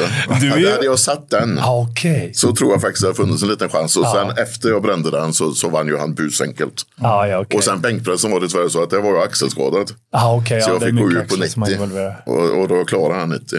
Ja, Men det är ju en historia för sig också. Jag, jag tänkte ju inte på det, trots att jag egentligen vet det. Så tänkte jag inte på att när du går ner så jävla mycket så tappar du en massa muskelmassa. Ja, du tappar tappar inte liksom bara fett. Nej, nej, nej. Och, och bänkpress gjorde jag ju när jag, när jag tränade för. Då var jag uppe i 130 eller någonting bänk. Mm. Så att, eh, jag pratade med, jag hade ju fyra tränare då, så han som ansvarig för helheten. För jag vet det faktiskt att Ulrika ringde ju faktiskt till mig också Ja, och frågade om jag ville hjälpa din fru. Då, Om jag kunde hjälpa. Men jag sa det är svårt, vi bor i olika städer och så vidare. Då. Jag var Eh, en under pingistränare Ja, och så hade jag ju en tennistränare. Och så hade jag en som var eh, ansvarig för eh, helheten då. Och det var det vi missade. För att, att eh, när vi kollade in Peter lite så han, det var ingen stor kille. Nej. Och så visste ju Jarko då att jag hade varit uppe och gjort 130. Ja, ja, ja. Så att vi började ju träna styrketräning. Kan ha varit åtta veckor eller något innan tävlingen. Så vi sket i det och bara körde tennis, Ja, okej. fys och pingis fram dit då. Och det är ju en historia för sig. För att då, när jag, första gången jag slöggade mig vid, vid bänkpress igen. Så frågade jag Jarko vad, vad, vad vill du börja med? Då sa jag så här, men jag, kan, jag värmer upp på 80 eller någonting då. Det sa ju pang så då just Ja, men det, Jag fick inte upp den så jag, jag fick ju börja på 65 kilo. Vet du. Ja, det där vet man ju från, ja. Och det där vet man ju från brottningen. Vi bantade ju mycket Ja, viktklasser. Och du kunde ju vara vrålstark under försäsongen. Du vägde väldigt mycket och sen så kunde du gå ner 10-15 kilo och du tappade ju mycket muskelmassa. Så att utmaningen var ju hela tiden att försöka bibehålla så mycket styrka och muskelmassa som möjligt såklart. Även trots att du skulle ner i vikt. Då. Men det det hade jag, kunnat gjort att- eh, på, i relation till kroppsvikt, men det gjorde ni inte. Utan Nej. det var bara max Ja. antal Ja. kilo. Ja. Ja, okej, ja, då är Och så, ju... sen, sen, sen kan du säga att det var ju, det var ju jävligt otaktiskt också. Eh, när jag såg hur bra han var i tennis och att han tävlade i tennis.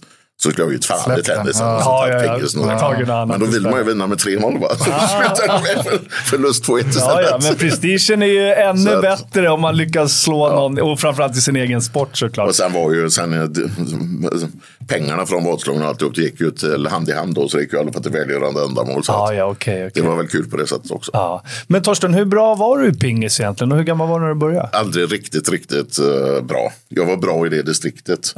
Eh, ty- men, men jag var ju aldrig Sverigeelit eller så på det sättet. Vad var, det, vad var det som gjorde att du slutade ganska tidigt sen? Var det, Nej, Jag var insåg, det... jag insåg att jag inte kunde bli bäst. Nej, okej. Du förstår då, att... då är det liksom inget roligt längre. Nej. Det går lite som en röd tråd. eh, Så att, eh, det där med att Ja. du vill... Vad tror men det tog det... ganska många år sedan innan jag tyckte det var kul med pingis igen. Ja, det var så. För, för liksom, jag, jag gillar inte att, att förlora. Och så att. Men tänker du samma sak med entreprenörskapet? Är det, triggar det dig liksom att så här, ja, men, vilja bli bäst? Så det kanske är svårt att vinna VM i, i bolagsbyggande, men är det någonting med det här tävlingsmomentet? Ja men absolut är det det. Det, och det, det tycker jag är väldigt likt. Du, du kan säga att, som vi pratade om förut, när vi skulle lansera Craft löparskor. eh, Du, du träffar kunder som delvis är vänner, en del av dem och så här också. De säger lägg ner det. Eh, Det är, ju- det är ju då man blir riktigt jävla sugen på att lyckas med det istället. Så, så, Ja, men det är nog... Nej, det är en tävling. Ja, livet sätt. är en tävling. Även om du liksom inte är etta, tvåa, trea eller så här, så är, så är det en tävling. Ja, ja men jag. Torsten, jag tänker återigen lite där. Du har ju gått ut och pratat mycket kring din hälsa Mm. och, och din, din övervikt och så vidare. Och den här jojo-bantningen Mm. som du har haft genom åren. Vad är det som har gjort, tror du, att du... Alltså, Jimmy var inne lite på det, här, men mycket av våra känslor går ju via mat också. Mm. När vi är glada och lyckliga, då äter vi, vi firar med det. När vi kanske är ledsna, sorgsna, så tröstäter vi och så vidare. Eh, eller är det bara, tror du att det är genetiskt? Eller vad är det som har gjort att du har gått Nej, upp och... jag, jag, jag tror att det, alltså, någon form av störning har man ju. Och jag, jag, tror den är liksom, han är på eller av. Så att om, om, eh, om jag vet att jag äter fel och onyttigt en vecka, för man är ute och reser, då skulle jag kanske en normal person tänka att nu får jag ta en nyttig vecka.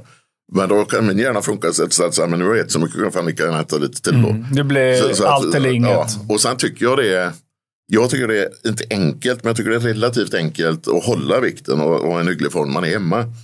Men sen när du äter liksom ute på hotell och restauranger, eh, alla måltider 20 dagar idag. Det tycker jag är tröstlöst och då vet du inte heller vad du äter. Jag, jag gick ju igenom jättenoga då när jag tränade så mycket och gick ner. Man blir chockad ibland när du liksom hittar köttbullar med en massa socker. Vem fan har socker i köttbullar? Om du gör dem hemma. Så det är lätt, det är svårt att äta nyttigt. Du vet inte fetthalten på en korv, du vet inte vad de har i såsen och så vidare. Och så vidare. då. Men i kombination med att du måste göra av med mer energi också såklart. Inte bara vad du Mm. äter. Men tränar du någonting idag eller? Eh, nu har jag börjat gå igen. Ja. Det, det får bli det första. Ja, Jag får ner en 20 kilo innan jag vågar, Ja. vågar börja träna. Utan simning kan jag göra också. Men tänk Men på det. rädd om knäna där i början. Ja. Men tänk på det, det vet du säkert. Men muskler ökar vår metabolism, vår Yes, ämnesomsättning. exakt. Så att styrketräning är en viktig del Ja, för att du ska kunna förbränna mer fett Ja, också. ja. Så att gärna att du kombinerar de här på och åker med Om jag ska, jag ska kombinera. Ja, Hur tänker du när du reser då? För det är ju en utmaning just så här om du ska få in träningen lite grann i, i livet med... Det är ju ofta eh, jätte- jättesvårt. Jag lyckades faktiskt under de 12 månaderna. Eh, och, och få in det. Och, eh, man får ju försöka få tillbaka den disciplinen. Att, att man går en stund till gymmen eller något på hotellet. Då. Just det. Och försöker även gå lite mer då. Eller springa eller jogga. Får har du fått något problem med leder eller någonting sånt? Jag har eller två häls- axlar som är hemska. Ja. Fullständigt galna. Så jag håller på och försöker få ordning på nu. Men, men annars har jag klarat mig på, på alla sätt. Och, och det känns lite konstigt att det är just axlarna. Det, hade det varit knäna så hade det känts lite mer självförvållat. Men varför, varför jag fått axlarna vet jag faktiskt inte. Men är det vanligt det här, tror du, att de som är väldigt framgångsrika, börs affärsmän och så vidare, att man försakar sin hälsa för framgång som att bygga ja, företag då, eller bolag? Ja, är, nej, jag kan nog inte säga att jag upplever det som vanligt. Jag har ju eh, många jag känner i den världen som, som tvärtom är jättevälkännade. Så, så att eh, jag tror nog det är lika vanligt att man tar väldigt väl hand om sig själv. Och, och gör det för att orka då. Men, men, sen, men sen just resandet tär på en tycker jag. För alltså när, när man reste som mest. Du, ibland visste du inte, du somnade på planet och så landade du och så visste du fan inte om du var framme eller om du skulle byta flyg. Eh, alkohol tillgängligt alltid. Gratis, lounger, planen. Eh, mycket representation. Så, så det är ju betydligt enklare när man är liksom hemma eller på ett ställe. Det jag upplevde när vi reste mycket med brottningen, vi reste ju mot 200 dagar eh, vissa år, eh, i alla fall i närheten. Det var att kände mig ganska så här rotlös och ofta ensam. Fast man hade folk runt omkring sig. Nu vet jag inte om du reser helt själv. Jag reste väldigt mycket ensam då. Ja, det, hur, hur har du upplevt det liksom i livet? Att ha så mycket resor och ena dagen vara på ett hotell själv och så nästa. eh, Känner du inte ensam? För det gjorde jag. Nej, det har jag nog inte gjort. Ja, Det okej. kan inte... Så att det Nej, är inte det den delen i sig som har gjort att du Nej. kanske, Nej. ja men nu skarvar jag lite med min egen hälsa här. Utan, så Man att, ska ju komma ihåg också att det, det är ju också mycket som är jäkligt roligt. Man, man ser hur mycket platser som Mm. helst. Man träffar massor av folk, man upplever olika kulturer. Så det är ju inte bara Ja, jobbigt eller tråkigt. Men, men jag tror att de som inte har ett sånt jobb eller upplevt den biten. Mm. De tror det är väldigt mycket mer glamoröst ofta än vad det faktiskt är. 100%. För, för, fördelarna ser man. Ja. man ser inte nackdelarna. Men det du är inne på det här att du har ju pratat mycket om att bygga relationer, hur viktigt det är för sina affärer. Eh, du sa nu att man dricker kanske tillsammans. Det är ett sätt att bryta isen och bygga relationer. Man kommer vara nära, man tar några stänkare tillsammans och så vidare. absolut. Och det där vet jag, inte minst från våran far som är, har varit konsthandlare, alla år. Han sa vid något tillfälle till mig att eh, det är ett måste att jag dricker och festar med, eh, med andra konsthandlare för att vi ska kunna göra affärer ihop. Eh, är det så lite i din bransch också? att Säger man nej och man sitter där och de tycker att man kanske är grå och tråkig om man inte tar, dricker alkohol och sitter och skrattar och, och, och umgås tillsammans? Jag, jag brukar säga så här att jag tror det är så, men till en viss gräns. En, en kund som är själv är sugen på ett glas vin och så sitter jag mitt emot och så här, jag tar risvatten. Det tror jag inte alltid är uppskattat. Men det finns ju ingen som tvingar dig att festa hela natten. Uh, om du förstår skillnaden. Mm. Men, men, men, Men kan det bli ett sätt att missa affären tror du? Om du skulle säga nej och dricka risvatten istället? Nej, för- inte, inte, inte, inte i längden. Men, men det, det är klart det bryter lite is om man sitter och tar en öl eller, Ja. eller så här. Det gör det ju. Och det är väl det, jag menar, det är ju ett, vad ska säga, ett socialt beteende. Men, men, På gott och ont. Ja, på gott och ont. Ja. Men, men där så, vi har ju till exempel eh, regeln i, och haft den i varje fall alltid, att om det är, eh, när det är representation även för andra än mig då, så, så betalar företaget upp till två öl. Uh, vill någon ha mer så får de betala själva. För det, det är ingen kund som kräver att du ska dricka mer än två öl. Utan då gör du det för att du själv vill. Har du varit Så- med om så att du har att- lovat någon affär på fyllan eller sagt så här, ja, men, och sen vaknat upp morgonen efter och bara, Nej, helvete. nej, nej, inte på det sättet. Där har väl vaknat upp med ångest någon gång. Bland annat var vi i Kina för, när kan det ha varit, 94 kanske. Ja. Och eh, så var det första gången jag var hembjuden till någon. Och det, det var ju en märklig uppställning för det var ju fabrikschefen, exportchefen på fabriken. Det var eh, den som var högst ansvarig för kommunistpartiet i den regionen. Det var lokala arméchefen och lokala polischefen tror jag. Och så var vi tre faktiskt den gången. Så det var jag och eh, två till från New Wave då. Eh, då var vi hembjudna och då blev det ju väldigt mycket. Och, och du kan säga att det, jag märkte ju till slut att det, fan, de, de sitter ju medvetet och turas om och skålar med oss tre då. Just. Så jag tänkte, det går De inte. försökte Så gick supa jag- er under ja, ja, bordet ju alltså? så. Okej. Så gick jag ut på, på toaletten och där såg jag ju en av dem som dessutom stod och framkallade upp det här igen. Ah. Så jag går tillbaka in och så säger jag, du Mårten Thomas, ni får passa er som fan nu för de försöker faktiskt sänka oss. Bägge två bara tittade upp jättegott. Nej, nej, nej, nej, det här är ju inga problem. Jag tänkte, fan har jag fel? Det är inte ens så. De var, de var ju redan så packade som hade gått över gränsen.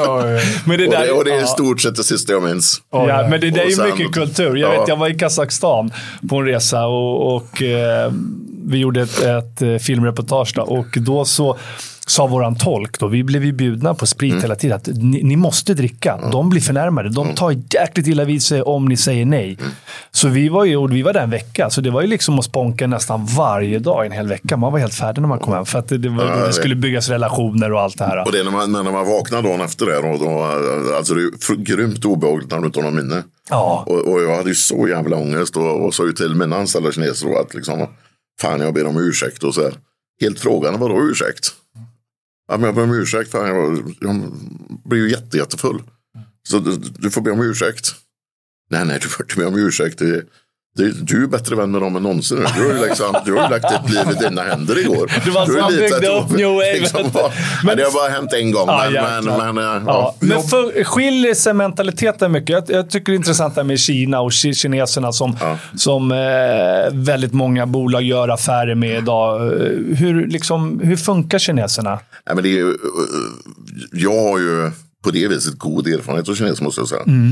Eh, och, och tycker det är eh, generellt är ett bra folk. Och man kan lita på dem hyggligt bra. Det är inga eh, vad ska man säga, lurendrejare på det sättet. Och så här. Men jag kan, jag kan ju ha tur, men vi har ju 150 anställda i Kina idag. Öppna kontoret är 92. Och eh, nej, jag, jag gillar Kina på det sättet.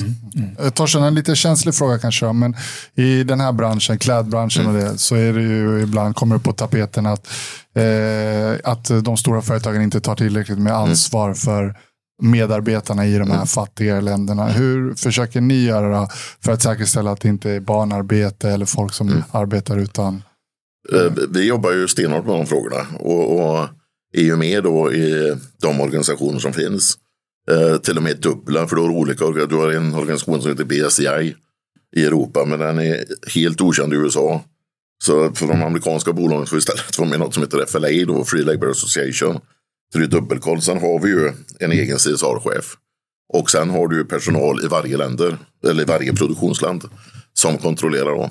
Barnarbete är ju väldigt ovanligt idag. Det, det fanns däremot mycket när jag började för 30 år sedan. Eh, men det är ju mycket mer andra hållbarhetsaspekter som har kommit in i det. Miljö Och, ja, exempelvis. och, och jag får nog säga att jag tycker många företag eh, faktiskt får oförtjänt mycket skit ibland. Jag tycker H&M till exempel är ett bolag som har gått i bräschen för det här. Eh, och som jag tror gör allt de kan för det. Så kan du istället läsa artiklar till exempel där det nästan framställs som de medvetet utnyttjar olika saker och så här. Och Det är inte korrekt men det är jätteviktiga frågor. Sen, sen är det ju tyvärr så att eh, mycket av det här hållbarhetsarbetet är ju fortfarande faktiskt en kostnad för att folk är ju inte fortfarande beredda att betala mer för det är en, det är en bättre produkt. Måste man lägga mer ansvar det är på konsumenten, slutkonsumenten än på bolagen? Eller både Nej, det är ju och, svårt eller? att göra det. Så Ja. man, får nog, man får nog försöka sträva efter både och.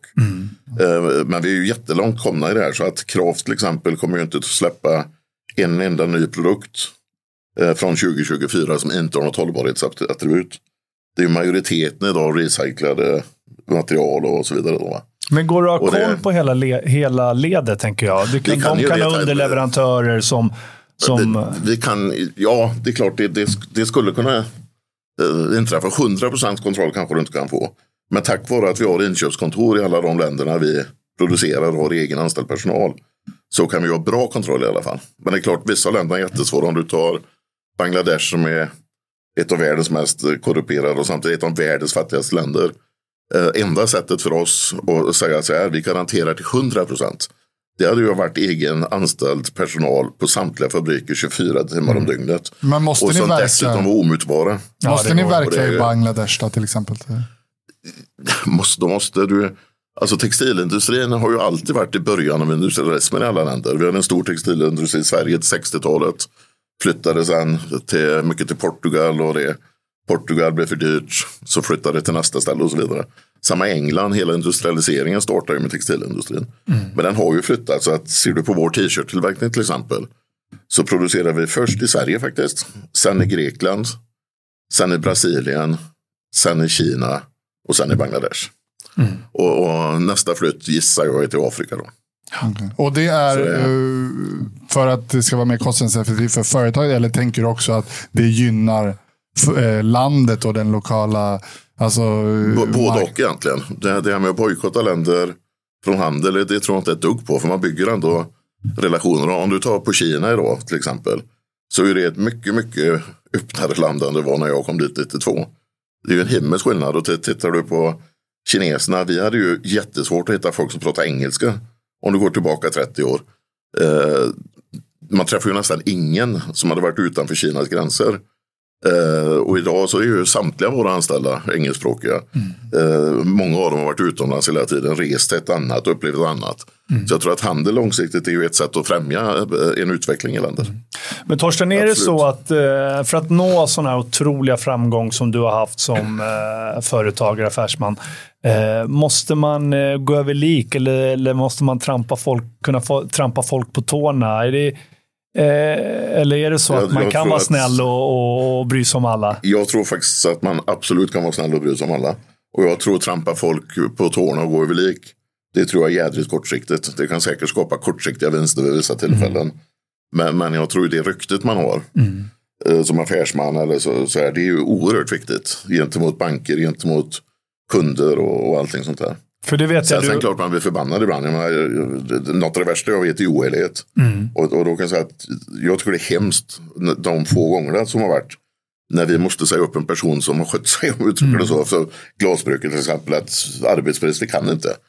Eh, Men, men däremot när folk är oärliga, då, då är det ju Har du sett på ut. sånt förskingring och sånt innan? Ja, ja, ja, ja, många gånger. Ja. Allting från att vi har haft, eh, vad är det, två eller tre, tre vdar som har förskingrat eh, pengar. Eh, ner till säljare som förfalskar reseräkningar. Eller. hur hanterar man det? Ja, jag blir så förbannad så jag överlåter ofta det till Göran faktiskt. För jag är rädd för det här är som du säger, Nej, ett det, starkt det, team. det, det, det, det, Man kan inte ha det. Nej, det är Det, klart. det, det funkar inte. Nej. Men jag tänker eh, igen där som Martin var inne på att man inte får vara för snäll. Och, är- men jag tänker i lite större kontext här. Att det är skillnad på att vara oärlig och gå över lik och skada någon annan. Men däremot tror jag bara när jag hör lite så mellan raderna på det du säger och också min egen erfarenhet. Och också inom idrotten. Att när du går innanför de här vita linjerna som jag ja. brukar säga till eh, min son som spelar fotboll. Mm. Då måste du vara en tiger för att de andra runt omkring dig, det är också tigrar och du kommer att bli äta, äh, uppäten om inte du försöker äta upp dem. Men när du kliver av och är där utanför så måste du alltid gå tillbaka till dina grundvärderingar av så här, hur man är en mm. bra individ och en god medmänniska. Och den här balansgången måste väl också finnas med lite grann. Jag kan tänka mig att du någon gång har hamnat i den här situationen att du måste armbåga fram och visa att vi är bäst på bekostnad av att liksom så här, ställa dig lite först i ledet framför någon annan som kanske vill ha det där kontraktet eller komma åt den där kunden. Ja, men det är klart det är en konkurrens på det sättet. Eh, det är det ju. Men, men eh, återigen, jag tror ju mer på om, om, du är, eller om man är långsiktig. Eh, så, så gäller det ju att faktiskt ha ett gott rykte. Det gäller att attrahera andra människor till att vilja jobba i organisationer och så vidare. Så jag, jag, tror inte på det. Du kan ta försäljning som exempel. Jag har ju aldrig trott på att översälja någonting. Om jag tror att är, Martins butik är, det är lagom med 50 extra. Men jag gör säljjobbet så jävla bra som köper 100. När jag kommer nästa gång så hänger det 50 kvar i butiken. Inte långsiktigt. Nej, det blir inget bra. Det, det blir inget bra för Nej. någon i längden. Då. Så, så mm. nej, jag känner inte det. Så sen, tänk långsiktigt. Sen, sen klart du kan säga så här att det, vissa saker kan, kan man ju känna en dragning om. När du beskrev ringen där till exempel. Mm. Det, det, är klart, så här, jag har ju väldigt svårt till exempel att umgås med konkurrenter.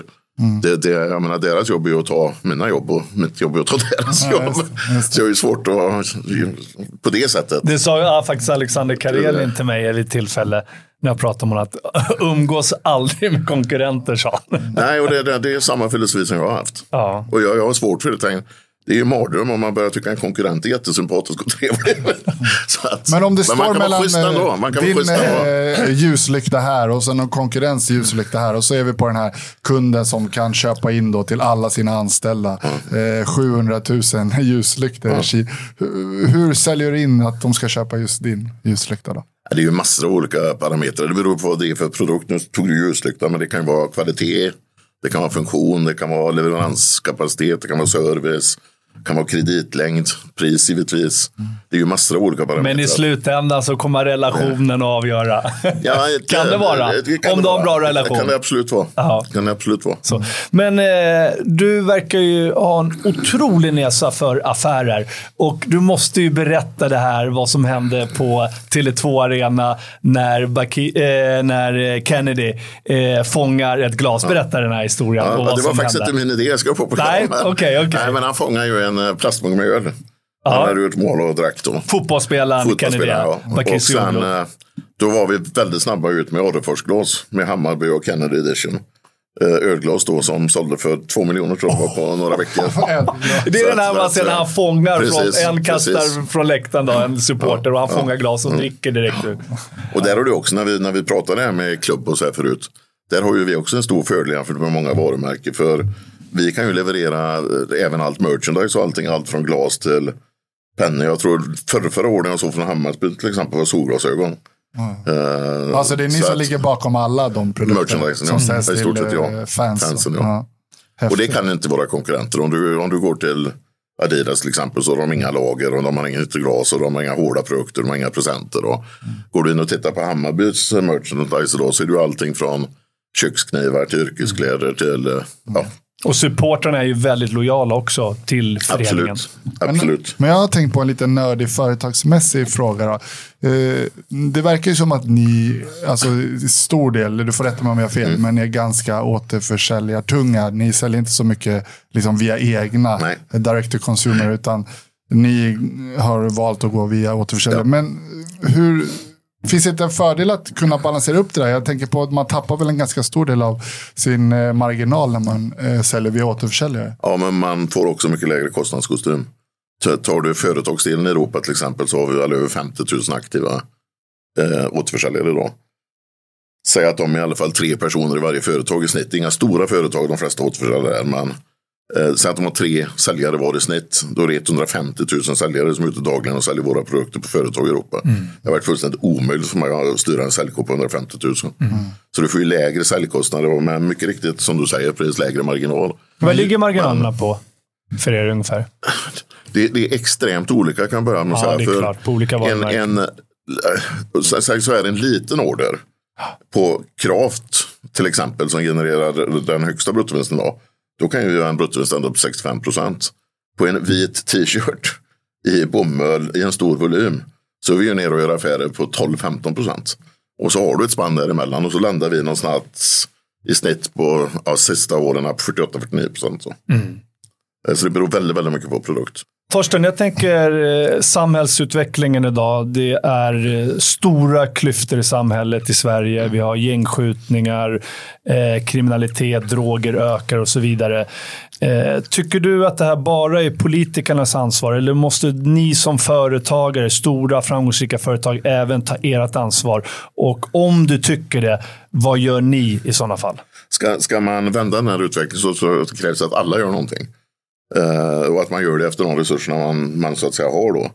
Uh, om du tar New Wave-delen uh, så är vi ju mycket med och sponsrar olika idrotter. sen privat håller jag ju på med att bygga en stor multiarena i Kosta då. Och än så länge mer eller mindre en, ensam sponsor till tre klubbar där.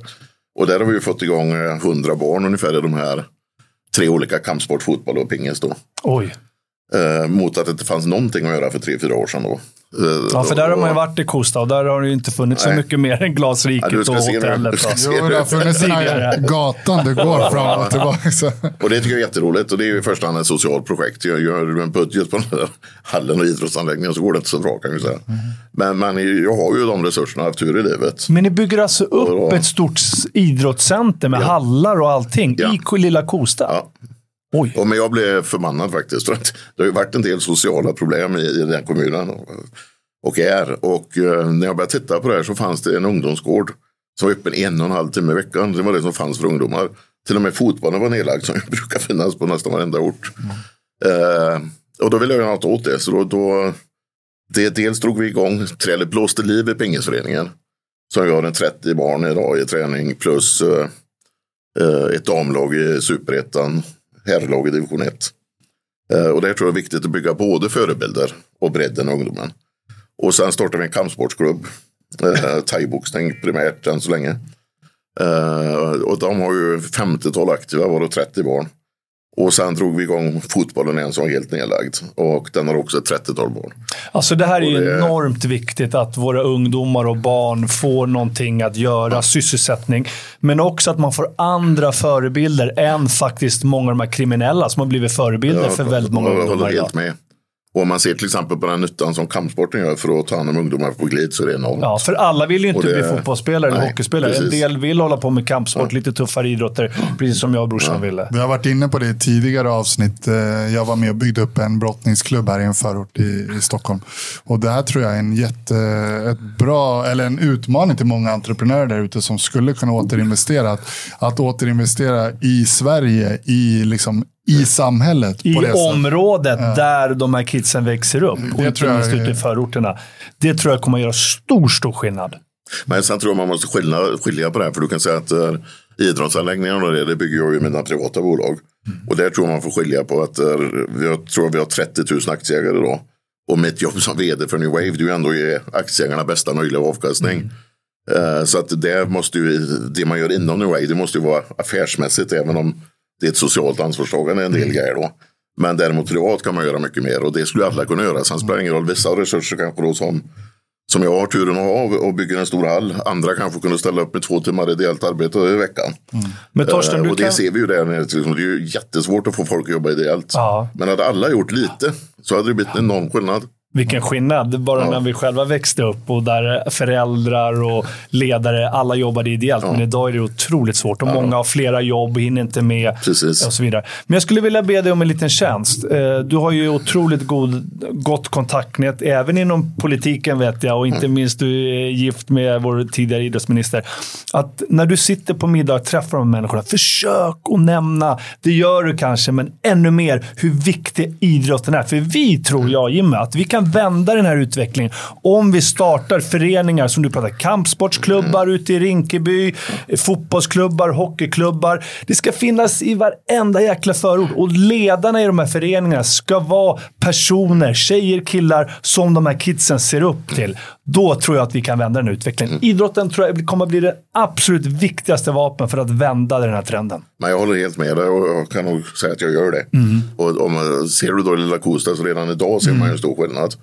Eh, jag brukar skoja, med- eller skoja, säga att en del politiker är, vilket är bäst, reparera busskuren som förstör varannan vecka och lägga pengarna på det.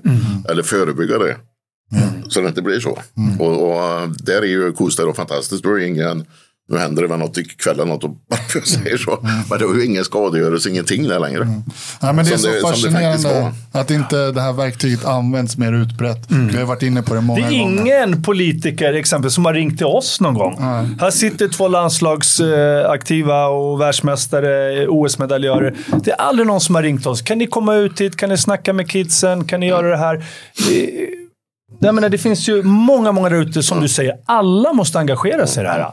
Varenda en. Och det, det, det gör man inte. Nej. Vi, vi ser också hur svårt det är eh, att få in ideella krafter i det. Mm. Nu har vi en del faktiskt i pingisen som har kommit in och kör en del ideellt och vi har eh, några i fotbollen. Men, men det tar nästan still där, det, Mm. eller stopp där. Det, det är jätte, jättesvårt. Och sen det här, äh, bredden behövs och toppen behövs också. Och det är också en sån här grej inom idrotten att det ofta så här, det ena ska utesluta det andra. Och så blir det nästan som en intern konkurrens där. Att så här, jag märker ju på ungdomssidan till exempel i Hammarby och sådär. Det blir ja men vi får, eh, vi, vi får inte ha för mycket elittänk så här. Och så börjar de så här, men vi, vi måste satsa på bredden. Men jag tror att båda behövs. Och eh, de ger varandra energi.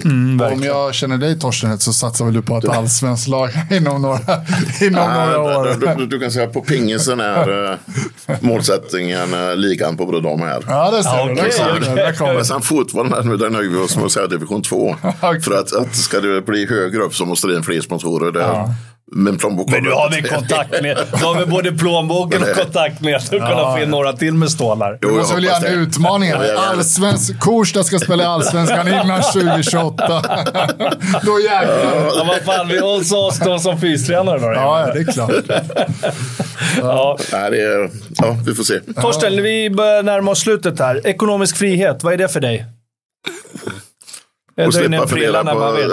Ja, nej, men det är väl framförallt att slippa fundera på eh, om pengarna räcker eller inte från dag till dag eller månad till månad eller vecka till vecka och slippa den oron som jag tror det kan innebära och så vidare. Hur rik är du egentligen? Det är en fruktansvärt svår, svår fråga. För att, nej, men det, det, nej, men det, Det skiljer sig från dag till men det dag. kan ju stå i tidningen till exempel och ha tre miljarder. Men, men skulle jag sälja ut hela mitt New Wave-innehav, för, för det är ju den stora delen av det, så tror jag ett, kursen hade rasat. Ja. Ja, två hade jag ju fått betala skatt på alltihop. Så att netto är det ju alltid väldigt mycket mindre än det som skrivs. Sen är det ändå jäkligt mycket pengar. Men det, det, man får hålla isär det där med, med, med bruttovärden och, eh, eh, och vad man egentligen skulle ha. Men sitter du och tänker sådär ibland på din källare och sitter och tänker såhär, fasiken. Här stod jag som ung grabb och tryckte egna t-shirtar och nu så har jag liksom miljarder att röra mig med. Nej, jag tänker nog inte så. Jag tänker på hur ska vi få bolaget att bli ännu större. Vinnarmindset. Men, men eh, vilken typ av eh, lyx i vardagen? Är du en sån här eh, kamprad-variant som åker runt i en gammal bil? Eller unnar du dig lyx även Ja, det materialistiskt? är intressant. Nej, men det, det kan jag säga. Det, då är jag nog mer att jag unnar mig saker. Ja, det är och, och, förutom fiske då, som jag under tiden, så är bilar det stora intresset. Ja, okej. så, så det har ju varit, eh, eh, ja, jag har väl de flesta modellerna för Vad har du i garaget nu då? Kan du nämna något? Eh, en Maybach, en Rollscab och en Volvo.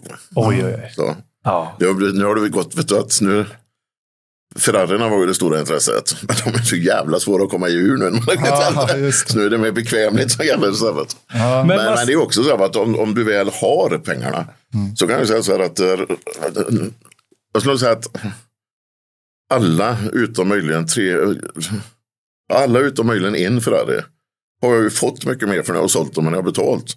Så tittar du på kostnaden och haft dem så är det ju faktiskt dyrare med Volvon. ja, men det är det som är så. De som har så- så stålar, att- de gör stålar på allt.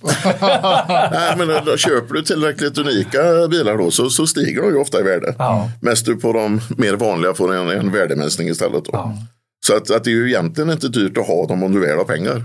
Även om folk tror det. Vardagslyxen då? Är det så här... Men lägger du, ja, precis, lägger, lägger du mer på, på ditt boende eller resor? Eller liksom, vad unnar du dig Ja, men det, det, det, är ju, det, det tycker jag är intressant för att det, du kan säga när det var, nu har vi faktiskt bara sålt bostäder istället.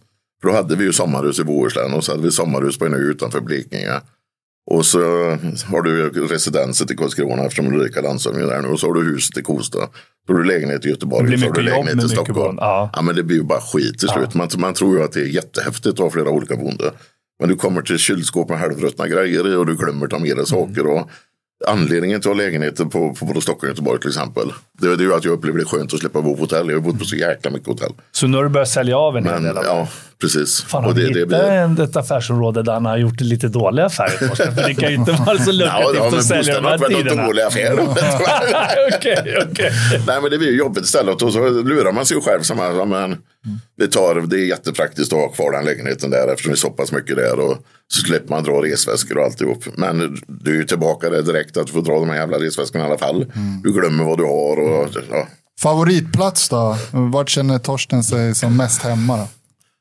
Eh, mest hemma skulle jag nog känt mig på västkusten där vi inte har något, något boende nu då. Men sen trivs jag mer eller mindre överallt kan jag säga. Jag gillar Stockholm. Eh, jag gillar ju att vara ute och resa också. Så att, att det var egentligen inget jättestort problem. Sen kan jag säga att jag tycker det är olika årstider också. Ja. Eh, jag, jag trivs ju bättre i storstäder på vintern än på sommaren. Sommar tycker jag det är skönt med eh, natur och man kan gå ut och så vidare. Utomlands då? Är det något ställe du återkommer till ofta? En, privat för att du trivs? Boston gillar ju skarpt. Boston. Och gärna en tur till New York då. Det trivs jag inte egentligen på det sättet. Men jag tycker det är häftigt att uppleva om man, man får energi. Eh, sen ja, Italien, sommar eh, runt eh, Comosjön och det är ju fantastiskt vackert till exempel. Men, det, men jag, jag trivs på de flesta ställen. Hur har dina barn påverkats av dina framgångar? och så? Du har ju fyra barn. Eh, är det så att barnen blir väldigt bortskämda eller liksom har de det här och ändå orkar och, och kan kämpa för sitt eget levebröd och, och, och så? Jag skulle nog säga att de inte är bortskämda. Eh, sen är det ju först egentligen nu när de har blivit lite äldre, de äldsta. Det är ju då de kan ha glädje av det, att jag kan hjälpa dem med, med bostäder och så här. Men jag har ju försökt att hålla det eh, på en normal nivå. Eh, faktiskt. Det måste vara svårt. eh, Alltså, jag bara tänker mig in i den här situationen själv. Att, eh, hur balanserar man det här att man vill ge sina barn bra förutsättningar och även liksom såklart en del materialistiska men samtidigt inte skämma bort dem och vänja dem vid att saker kommer gratis här i livet. Nej, men det, är ju, det är ju givetvis en balansgång. Men, men sen, jag tycker jag har ju alltid hjälpt dem i ekonomin när de, så länge de har pluggat till exempel. Och det tror jag är en bra investering. Att, att du kan i alla fall ha ett drägligt liv medan du, medan du studerar. Då. Men jag tror inte man ska gå över den gränsen för att de måste ju också eh, vad ska jag säga, veta hur verkligheten ser ut. Och, och, och det, det, Är någon av dem eh, engagerade i bolaget? eh, båda de äldsta. Ja. Eh, och sen den tredje tjejen, hon nu läser hon på Handels. Eh, och den yngsta grabben, han eh, jobbar i, sporten. Så på ett eller annat sätt så är alla utom hon som just nu läser då. Eh, engagerade i bolaget. Men i och ärlighetens... Isabella, äldsta dottern, sitter ju även i styrelsen idag. ja. Kommer New Wave överleva utan dig, Torsten? Absolut. Jag tror inte. Jag tror och jag hoppas att det inte blir exakt samma företag för då har inte jag gjort någon nytta. Men, men man kan säga idag, idag har det ju blivit så pass stort så det är inte alls så känsligt som om du går tillbaka för 20-25 år sedan när jag kände varenda kund och hade relationer med de flesta kunder och så vidare. Idag kan jag säga USA är största marknad. Jag, jag känner väl två, tre kunder hyggligt, inte djupt. Eh, De flesta länderna vi är där, där känner jag inte kunderna överhuvudtaget. Eh, jag är inte med, jag är med aktivt ibland i produktutveckling. Eh, men inte alls på det sättet heller längre. Så det har blivit så pass många länder, så pass många marknader, anställda och kunder. Så man tappar liksom personberoende på det sättet. Det, Vart men- kommer New Wave befinna sig om tio år? Eh, Både ekonomiskt och, och hur kommer det se ut, bolaget, tror du? Men målet för mig är att dubbla försäljningen igen. Inom... Som, ja, helst snabbare än tio år. Så du kan säga de sista tre åren har vi växt. Och idag omsätter ni, bara ja, senaste... strax under 10 miljarder.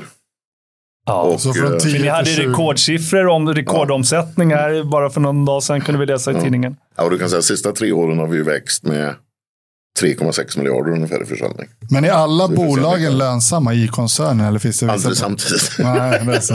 Nej, det är ju en men styrka de- de- med tre affärsområden att kunna hoppas. Men, men de flesta är det kan jag säga. Ja, Ja. Men jag tänkte på en eh, djupare fråga här. Du sa någon gång här i förbifarten att du ändå har en bra relation till familjen. Och så. Men vi har ju haft eh, några andra stora entreprenörer och stora idrottsmän här. Eller idrottskvinnor också. Och där man ofta så här, man måste på något sätt ändå vara lite egoistisk när man går in i något. De liknar ju varandra tycker jag väldigt mycket. Entreprenörskap och en idrottssatsning. Tycker du inte, eller har du inte ibland dåligt samvete att du har fått försaka tid med barnen? Och...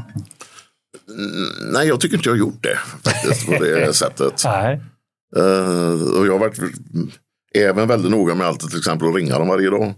Eh, och jag har ändå träffat dem relativt mycket på det sättet. Det, när jag har varit ledig till exempel, eh, då, då har de ju varit väldigt mycket med mig. Så jag känner väl inte så. Sen kan man ju alltid säga att man kanske borde varit ännu mer då. Men, men eh, Ja, Men, de jag- har säkert haft mycket glädje Ja. och lärt sig mycket och kunnat hängt ja, med på ja, många av dem har fått och, rest med. Så Ja. Menar, Samtliga av de tre äldsta har ju varit med mig i Kina. Alla tre till exempel och även i USA och så vidare. Men jag tror eh, både jag och Martin har ju bollat de där tankarna många gånger. Att man kanske fysiskt var borta under en viss period väldigt mycket. Men jag tror att man kompenserar det, i alla fall om man vill vara den här närvarande pappan genom att vara väldigt, väldigt närvarande de stunderna man kunde. Och sen, eh, ja, men jag har också alltid försökt att balansera liksom, pappaskapet. Men vi märker ju på några gäster vi haft här som har väldigt dåligt samvete. Vi har ju någon här, utan att nämna namn, som bröt ihop när vi pratade om hans barn och sådär. Just att han tyckte att han fick försaka dem och sådär. Men det är skönt. Ja, men det man i så fall har försakat, det är väl den här eh, vardagsdelen av det. Att man liksom inte har kunnat gå på massa föräldramöten eller gå med till doktorn. Eller, Läsa godnattsagor. ja, den den, den typen av, av eh, försakan har det ju varit eftersom man inte varit hemma då. Men, men sen eh, så upplever jag inte att jag inte har umgåtts tillräckligt mycket med dem och varit med dem på det sättet. Så. En sista fråga från mig i alla fall, Torsten. Har du, ångrar du någonting eh, om du ser tillbaks på, på, på livet? Det, det, det är en jättesvår fråga. Och jag tror inte jag har lagt så att jag går runt och ångrar saker. Det man har gjort, har gjort och det får man försöka reda ut. Då. Sen har ju inte allting varit, varit eh, eh, det är ju inte alltid man tar rätt beslut eller gör rätt saker. Och, så här, men det finns, det finns inget så här som går och maler det med att jag, jag ångrar på det sättet. Det gör det inte. Skönt. Det känns ju som att ditt arbete är ditt liv. Liksom. Det går ihop. Det är inte så att man, du har skiljer på ditt privatliv och arbete. Utan du, du, verkar, du verkar ju trivas otroligt mycket i ditt jobb Ja. och din yrkesroll. Har det varit så hela tiden? Ja, det har det nog varit. Men det är nog tack vare den utveckling som varit. Att man hela tiden har fått lärt sig nya saker eller nya marknader eller nya produktområden. Jag tror att hade det varit, hade New Wave funnits på en ort och gjort samma sak och tillverkat en produkt. Så tror jag det tröttnat för länge sedan. Utan det är utveckling som gör det. Sen, sen tycker jag att det är en förmån att få i Sverige pratar vi så jädra ofta hur många timmar man jobbar. Det är liksom halvtid eller heltid eller övertid. Eller jag jobbar 60 och så säger nästa som ska imponera med 70 och så håller det på så här. Men jag tycker det viktiga är väl hur roligt man har på jobbet. För man kan säga att 60, gör jag 60 timmar en vecka så känns ju den veckan mycket, mycket roligare än när jag stod 40 timmar på ett mejeri och på backarna. Så, så den parametern om man trivs eller har kul, den är ju minst lika viktig som, som hur mycket man gör. Ett sista medskick där, som jag vill säga till våra lyssnare. Det är ju just det här. Det är, det är många som sitter på en dröm och kanske blir egen, starta sitt egna. Men som inte riktigt vågar ta steget. Och du sa ju mellan raderna här nu att när man kan styra sin egen tid, välja vilka man ska jobba med, göra någonting man brinner för. Det är ju lite också det som är entreprenörskapet. Så våga kasta er ut, ni som inte redan har gjort det, om ni bär på den drömmen. Sen är inte det för alla, men för de som ändå funderar i de här banorna. För att det är nog det som jag har tyckt var det roligaste med att vara eh, entreprenör och bygga bolag. Att just det här att jag kan välja. Jag kan ta så många olika val hela tiden till skillnad mot om jag är anställd i den här fabriken eller vad det nu kan vara. Och det jag tycker stämmer så väl in på dig Torsten, det, är någon som, det var någon som myntade uttrycket att mitt liv är mitt jobb och mitt jobb är mitt liv. Och det känns ju verkligen som det stämmer in på dig. Ja, men det gör det. Men tycker man det är kul så gör man det. Ja, ja. Men ska vi avsluta med att du får ge dina fem bästa tips för att bli en framgångsrik eh, företagare? Den där är ju inte lätt. Nej, den är inte Det- lätt. det- Men om du kan komma på fem saker, men sen behöver du inte en är väl det du var inne på precis, våga starta och våga prova. Ja. Eh, och sen tror man ska inse att det är, det är hårt jobb givetvis. Och det, det får man ju vara beredd att, att ta. Kavla upp armarna. Ja, och sen, eh, ja vad skulle mer vara? En av våra värderingar är ju att man ska vara glad. Eh, Det tror jag också är en viktig Ska finnas parameter. lycka och Det ska glädje. Ja, det är Ja. det. Ja, Rätt medarbetare. Ja, men givetvis. Om Ja. man går in på, på sådana så, så är det otroligt viktigt. Ja. Eh, och sen tror jag på det med att bygga långsiktigt. Och Mm. Jag tror inte på de här snabba korta vinsterna utan eh, man får ha ett långsiktigt perspektiv i det man gör. Jag pratade med en annan företagare, Douglas Roos, som är väldigt framgångsrik och han sa vid ett tillfälle till mig att eh, det absolut viktigaste, tyckte han, det var att vara långsiktig. Att det är Ja. så lätt den här kreativa processen när man ska bygga bolag, det är väldigt roligt. Men, folk, men få orkar göra det där tuffa dagliga arbetet som ska göras hela tiden, varje dag.